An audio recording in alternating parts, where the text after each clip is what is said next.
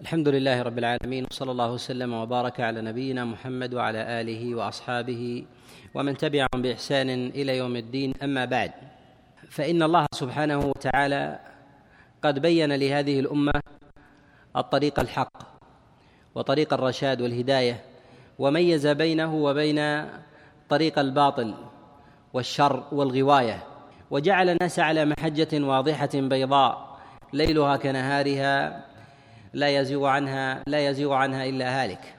وكما لا يخفى فإن الحقائق لا يمكن أن تتبين للإنسان إلا بمعرفة شيئين بمعرفة ذوات المعلومات وبمعرفة ما يخالفها. ولهذا يقال وبضدها تتبين الأشياء. وأعلى ما يصل إليه الإنسان من فهم الشيء هو أن يفهمه بذاته وأن يفهمه كذلك أيضا أن يفهمه كذلك بضده. فإذا فهمه على هذا النحو مع التدقيق والتأمل بمعرفة الحال ومعرفة المآل أدرك الإنسان تلك تلك الحقائق والمدركات على بينة وتمام من غير قصور فلا يقع غالبا في زلل وخطأ بهذه بهذه بهذه الأشياء أو هذه المعلومات. ولهذا كان رسول الله صلى الله عليه وسلم يعلم أصحابه وأمته الطريقين. طريق الخير وطريق الشر. وكان رسول الله صلى الله عليه وسلم يعلم أصحابه وأمته تلك الطرق بتفاصيلها ودقائقها وكذلك دعاتها الذين يدعون يدعون عليها. وهذا نهج نبوي دقيق. وقد بين رسول الله صلى الله عليه وسلم ذلك على سبيل الإجمال وكذلك بينه على سبيل التفصيل. فجعل الله جل وعلا آياته مفصلة. وجعل الحكمة من ذلك والعلة ولتستبين سبيل المجرمين ولتستبين سبيل المجرمين. وبين النبي صلى الله عليه وسلم كما جاء في حديث عبد الله بن مسعود عليه رضوان الله تعالى كما جاء في الصحيح من حديث أبي وائل عن عبد الله بن مسعود ان رسول الله صلى الله عليه وسلم أن رسول الله صلى الله عليه وسلم خط خط خطا وقال هذا الصراط المستقيم. وخط عن يمينه خطوطا وعن شماله خطوطا فقال هذه سبل على كل سبيل منها شيطان يدعو إليها. ثم تلا قول الله جل وعلا وأن هذا صراطي مستقيما فاتبعوه ولا تتبعوا السبل فتفرق بكم عن سبيله. بين رسول الله صلى الله عليه وسلم أن الطرق التي تخالف الهدي والصراط المستقيم أنها على نوعين. النوع الأول هي الشهوات النوع الثاني هي الشبهات. ولهذا قال الله جل وعلا ولا تتبعوا السبل فتفرق بكم فتفرق بكم عن سبيله. بين أن ثمة سبل متعددة وأن الصراط من جهة الأصل واحد وأن السبل المتنوعة في مخالفة الحق متعددة وقد جاء عن غير واحد من السلف من المفسرين أن المراد ب أن المراد بالسبل هي البدع البدع والشبهات. وجاء في قول أنها البدع البدع والشهوات. والمراد بذلك ما كان دخيلا في أصل الدين لتغييره وتبديله أو ما كان لترويضه لكي يتوافق مع الشهوات فحينئذ تتداخل الشهوة والشبهة في آن واحد. وأخطر ما تكون الأفكار إذا اجتمعت الشهوات والشبهات في مذهب في مذهب واحد وعلى طريقة ونهج واحد حينئذ كان كان هذا النهج هو أخطر أخطر المناهج على الإطلاق. وقد بين رسول الله صلى الله عليه وسلم حماية الأمة أنه لا يمكن أن تحمى إلا إلا بإدراك حقيقتها وحقيقة وحقيقة عدوها. وبين النبي صلى الله عليه وسلم أن الأمة تخلط كثيرا في أبواب في أبواب المفاهيم والمعارف والمدركات. وذلك أنها لا تميز غالبا وكذلك وكذلك أيضا في معرفة العقائد والأفكار بين بين الوسائل الموصلة إلى حقيقة الإدراك. بين ما يوصل الإنسان إلى فهم المادة وبين ما يوصل الإنسان إلى فهم العلم وبين ما يوصل الإنسان إلى فهم إلى فهم العقائد. وهذه كلها من جهة الأصل تمتزج بين طرق توصل الإنسان إلى حقائق على سبيل الاجتماع وبين سبل توصل الإنسان إلى معلومات على سبيل الانفراد لا يمكن أن يمتزج معها معها غيرها. وهذا أمر معلوم لدى أهل العقل وكذلك أيضا من نظر في نصوص كلام الله جل وعلا وكلام رسول الله صلى الله عليه وسلم أدرك ذلك أدرك ذلك بينا ظاهرا. من الأمور المهمة التي ينبغي أن تعلم أن النبي صلى الله عليه وسلم قد جاء في شريعته بيان المفاصلة والمفارقة بين أهل الحق والباطل وأنه ينبغي للمؤمن أن يفاصل أهل الزيغ والضلال بجميع أنواع المفاصلة ما استطاع إلى ذلك سبيلا واغتفر الشارع جملة من الأحوال والصور التي لا يمكن أن تتحقق المصلحة التامة إلا بشيء ونوع من الممازجة. فنهى رسول الله صلى الله عليه وسلم عن إقامة المؤمن كما جاء في حديث عمران بين ظهراني المشركين. وكذلك أيضا وكذلك أيضا التشبه بالأقوال والأعمال كما جاء في حديث عبد الله ابن عمر كما رواه الإمام أحمد وغيره أن رسول الله صلى الله عليه وسلم قال من تشبه بقوم فهو منهم. وذلك أن التشبه في الظاهر في الظاهر يلزم منه تشبه بالباطن. وكذلك فإن الإنسان إذا تشبه بالناس بأفكارهم وأقوالهم فإن ذلك يفضي إلى تشبه تشبه الظاهر. والأصل في ذلك أنه لا يمكن للانسان أن يتشبه في ظاهره إلا وقد وجدت بذرة من التشبه بالباطن وذلك أن الظاهر هو غرس للباطن كغرس الشجر إذا ظهر فيه ثمر وورق وهذا أمر معلوم. والنبي صلى الله عليه وسلم قد بين أن الأمة كما جاء في الصحيحين من حديث أبي هريرة تقتدي وتأتسي بحال غيرها. ولو ولو كان ولو كان بدخول جحر الضب. وقد جاء النبي عليه الصلاة والسلام ما جاء في الصحيحين من حديث أبي هريرة قال لتتبعن سنن من كان قبلكم ولو كان شبرا بشبر وذراعا بذراع. قالوا فارس والروم. فقال النبي صلى الله عليه وسلم ومن؟ ومن القوم إلا إلا هم. والنبي صلى الله عليه وسلم حينما بين أولئك وبين حال من قبلنا أن الأمة تتشوف إلى النظر إلى الغير وذلك أن الإنسان إذا أو إذا أو إذا وجد في حاله أو في قوله أو في فعله ضعفا فإنه ينظر إلى غير إلى غيره عله يجد يجد قوة. فإذا وجد قوة في غيره أخذ بالأسباب التي أوصلت غيره إلى القوة فيأخذ بها من غير نظر إلى أسبابه وأحواله. ويظن أن الوصول إلى القوة وكذلك الوصول إلى الضعف أنه على نهج واحد متحد تتحد فيه الذوات وتتحد فيه وتتحد فيه السبل. وهذا من أنواع الخلط التي التي ينبغي أن يحذر أن يحذر منها الإنسان. ولهذا بين رسول الله صلى الله عليه وسلم أن أعظم أسباب اللبس عند كثير من الناس عند كثير من الناس أنهم يخلطون بين الماديات وكذلك يخلطون بين أبواب العقائد. فإن أبواب العقائد وكذلك معرفة الأحكام ووحي الله جل وعلا لا يمكن أن يربط بأمور محسوسات. فقد يكون للإنسان من القدرة على إدراك شيء محسوس والنظر في المادة ما لا ما لا يتحقق عند غيره. فإذا وجد عنده لا فإن هذا لا يعني صوابا في أبواب الاعتقاد. فإننا نجد من كان دون دون البشرية دون البشرية من جهة الحظوة والمنزلة من العقل. أن الله جل وعلا خصهم بجملة من الخصائص التي هي بالنسبة للبشر من أبواب الإعجاز. فنحن نرى النجوم والكواكب في أماكن وفي أماكن عالية ونرى أيضا من الطيور وغيرها. ما سخر الله جل وعلا لها من الخصائص ما تفوق البشر وما لم يصل إليه أيضا البشر وهم بالإجماع دون البشر من جهة المزية والفضل والمنقبة وذلك أن تلك الخصائص ليست مزية بمعرفة ذات الحق وكذلك أيضا بضعف العقل أو عدمه وإنما هي أسباب يهيئها الله جل وعلا للإنسان فيصل فيصل بها فيصل بها إلى غاية أرادها الله سبحانه وتعالى. ولهذا بين الله جل وعلا أن الذي يمنعه من أن يجعل للكفار أن يجعل للكفار لبيوتهم سقفا من فضة ومعارج عليها يظهرون السبب في ذلك أن لا يكون الناس أمة واحدة. وذلك المراد به كما جاء في قول غير واحد من المفسرين أن المراد بالأمة الواحدة هي على الكفر أو النفاق أو الزندقة والإلحاد. وذلك أنهم ينظرون إلى حال الكفار ومن يكفر بالرحمن أن الله جل وعلا جعل له جعل لهم بيوتا وسقفا من فضة وجعل لهم معارج فخلطوا بين النظرة المادية وبين وبين الصواب من جهة العقل من جهة العقل وكذلك الإدراك والنظر في صواب الشريعة من عدمها فخلطوا في أبواب في أبواب منفصلة ومنفكة.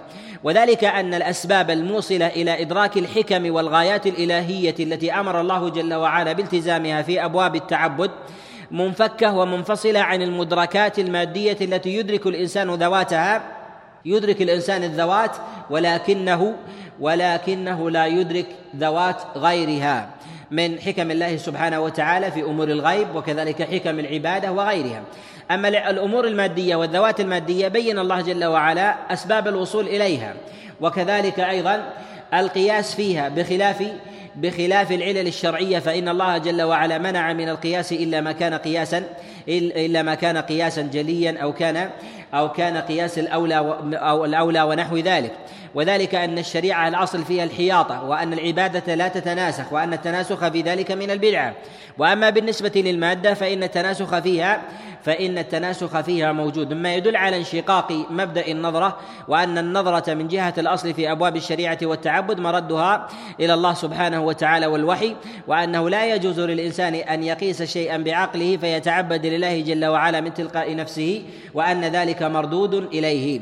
وأن من قاس في أمر دنياه فإن ذلك أمرا يدخل في أبواب في أبواب المدركات. ولهذا يقول النبي صلى الله عليه وسلم كما جاء في الصحيحين وغيرهما من حديث عائشة من أحدث في أمرنا هذا ما ليس منه فهو رد وكذلك جاء في ظاهر هذا في قول الله سبحانه وتعالى اليوم أكملت لكم دينكم وأتممت عليكم نعمتي ورضيت لكم الإسلام دينا.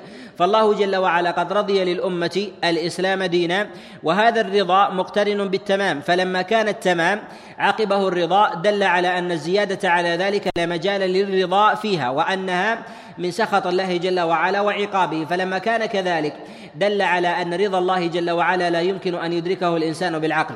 فعلم أن أصل المدركات هو العقل.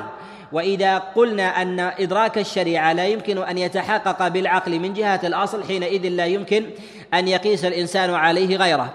وأما بالنسبة للمادة فإن الإنسان يدرك غيرها بقياس العقل. فيتناسخ ذلك الأمر فيدرك حقائق كثيرة مما هي في صالحه أو في غير أو في غير أو في غير صالحه. ولهذا بين الله جل وعلا أن الفساد يظهر في البر والبحر بما كسبت أيدي بما كسبت أيدي الناس. يعني يظنون أنهم قد وصلوا إلى الصواب وهم ما وصلوا ما وصلوا إليه. في في مجلسنا هذا نتكلم كما هو في عنوان هذه المحاضرة عن التغريب. والتغريب كما هو ظاهر في هذا المصطلح مشتق مشتق من جهة من جهة الغرب. والغرب المراد به المراد بذلك هي الملة الغربية وليس المراد بذلك هو غرب الأرض على الإطلاق وإنما المراد بذلك هي الملة الغربية والملة الغربية هي الملة النصرانية الملة النصرانية. وقد سبق التغريب مصطلح مضاد له ولكنه في غايته واحد والمصطلح المضاد له هو هو مصطلح الاستشراق. الاستشراق. والمراد بذلك أن ثمة أناسا من الغرب يأتون إلى بلدان المسلمين وينغمسون فيها وينظرون في أحوالهم حتى يكون ذلك آلة للوصول للوصول إلى أحوالهم. والتغلغل كذلك إلى إلى دينهم وكذلك عاداتهم وتقاليدهم وأقوالهم فيخاطبون على ذلك النحو.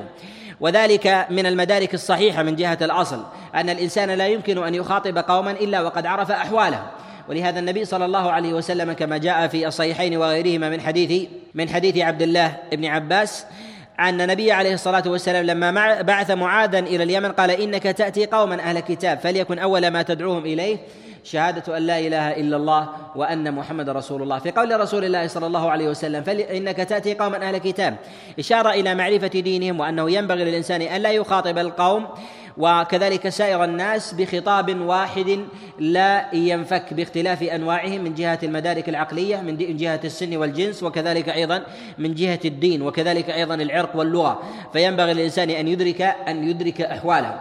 فبين النبي عليه الصلاة والسلام حال تلك الأمة وأنهم يختلفون عن بيئة أهل الإسلام كما في المدينة المشتركة بالوثنية والدين الكتابي وأن الخطاب في ذلك ينفك عن غيرهم. فجاء ذلك ما يسمى بالاستشراق وهو الدخول إلى بلدان المسلمين والنظر في أحوالهم وعقائدهم ودينهم ثم ثم لما كانوا من أهل الخبرة في ذلك خاطبوا المسلمين بما بما يريدون. وجاء في ذلك ما يسمى بالتغريب وهو وهو مصاحب وقوي بعد الاستشراق أو التشريق جاء بعده وظهرت وظهرت آثاره في مجتمعات المسلمين وهو من جهة الأصل التغريب. إنما نشأ بقوة بعد انقلاب الغرب على دينه وظهور وظهور علم المادة وكذلك العقل. وذلك لسبب ينبغي أن يعلم أن الغرب لما كان على دينه المحرف لم يكن يلتفت إلى إلى الدعوة إلى دينه دعوة محمومة كما انتكس عن دينه ثم رجع إلى المادة ثم رجع إلى العقل وكذلك المادة المحضة فإنه جاءه جاءه شيء جاءه شيء من من حمى الدعوة إلى إلى نهجه وطريقته لم يكن قد قد سبق إليها. وذلك لسبب أن الغرب من جهة عقيدته ودينه قد بقي على ذلك الدين المحرف ولما انسلخ من دينه كان ذلك الانسلاخ إلى غير دين. وهم ما يدعون إليه ما يسمى بحرية الأفراد حرية الأفراد في ذاتهم حريتهم كذلك في أموالهم حريتهم في سياستهم واجتماعهم وغير ذلك. دخلت ابواب الحريات وأنه لا يؤثر الإنسان على غيره. والإسلام سياج قوي يدعو غيره وهو لا يدعو إلى الثبوت وإنما يدعو يدعو إلى التنقل. فلما كان الغرب يدعو انتقل من دين ثابت محرف وانتقل إلى عقل ثابت لا يدعو إلى غيره احتاجوا إلى مواجهة الإسلام والدعوة إلى تلك الثقافة. والفكر الليبرالي وكذلك الفكر الغربي على سبيل العموم هو فكر يهتم بالفرد لا يهتم بغيره. ويدعو إلى أن الفرد لا يؤثر على غيره على الإطلاق. فإذا كان كذلك فإن مصيره ومآله إلى الزوال. وذلك أنه يواجه فكرا وعقيدة تدعو تدعو غيرها بل إن من صلب عقيدتها أن تهتم بغيرها وأن يهتم المسلم بعقيده بعقيدة غيره وأنه يدعوه إلى الحق. ولهذا جاءت النصوص الكثيرة في كلام الله جل وعلا وكلام رسول الله صلى الله عليه وسلم بدعوة إلى الله والأمر بالمعروف والنهي عن المنكر والدعوة إلى الحق. ولهذا جاء رسول الله صلى الله عليه وسلم الدعوة ولو بالقليل كما جاء في الصحيحين وغيرهما. قال عليه الصلاة والسلام في حديث عبد الله بن عمرو وعلي بن أبي طالب وغيرها قال بلغوا عني بلغوا عني ولو آية. وهذا فيه إشارة إلى أنه ينبغي للإنسان أن يبلغ الدين ولو بشيء يسير. ما يدل على أن الإسلام أن الإسلام ينمو ولا يمكن أن يكون ثابتا قاصرا على على الشخص. فإن الشخص يسعى إلى تصحيح غيره بخلاف الفكر الذي تحول إليه الغرب. لما تحولوا أدركوا أنه لا يمكن أن يبقى هذا الفكر على ما هو عليه لأنه فكر يهتم بالأفراد ولا يدعو إلى الاهتمام بالغير بل يحرم ويجرم ويجرم أن يؤثر الإنسان على غيره فينبغي أن يحكم الإنسان عقله مجردا. وهذا ما وصل إليه الغرب في غايه في غاية مداركهم العقلية أنه ينبغي للإنسان أن يكون حاكمه في حياته الدنيا هو العقل. وأن عقل الإنسان بجواره لا يؤثر على عقله هو. وإن أثر عقل غيره عليه فإن هذا من التعدي والجناية. وينبغي للإنسان أن يحكم عقله في تصرفه فإن فإن أجاز له فعلا أو قولا فإن هذا من السائغ من السائغ والجائز. وإذا منعه من ذلك فإنه لا فإنه لا يجوز له أن يفعل ذلك ذلك الفعل أو أو يقول ذلك ذلك القول. لما كان على هذا النحو وأدركوا أن الإسلام أن الإسلام ينمو ويدعو غيره إليه ولا يقبل ولا يقبل بمشارك. يزاحمه في أبواب الاعتقاد والأقوال والأعمال. كانت تلك الدعوة الدعوة الغربية إلى تغريب المجتمعات المسلمة على أنحاء متنوعة تغريب فيما يتعلق في أبواب العقائد وإذابتها وليس المراد بذلك هي الدعوة إلى النصرانية. وذلك أنهم لم يكن لديهم ثقة ثقة في دينهم وعقيدتهم وذلك قد تجردوا من دينهم وأنه لا يصلح لإدارة شأنهم السياسي أو شأنهم الاجتماعي كما أطبقوا على ذلك في منتصف القرن السابع السابع عشر الميلادي وذلك في زمن قد فصلوا فيه دينهم المحرف عن السياسة وأنه لا يمكن أن تصلح فيه المجتمعات. وفي هذا يصلح أن نشير إلى مسألة مهمة أن شريعة الإسلام أن شريعة الإسلام لما جعلها الله جل وعلا باقية خالدة إلى إلى قيام الساعة. وخصها الله جل وعلا بهذه الخصيصة وهي الديمومة. وخصها بخصيصة أخرى أنها مستوعبة وشاملة لسائر لسائر الامم لسائر الأمم. سواء كانت عربية أو غير عربية. سواء كانت سواء آه، كانت قريبة أو بعيدة أن هذه الدعوة لابد أن تصل إليهم ولهذا خاطب الله جل وعلا سائر الأمم وسائر الشعوب بالدخول في ملة في ملة الإسلام. ولهذا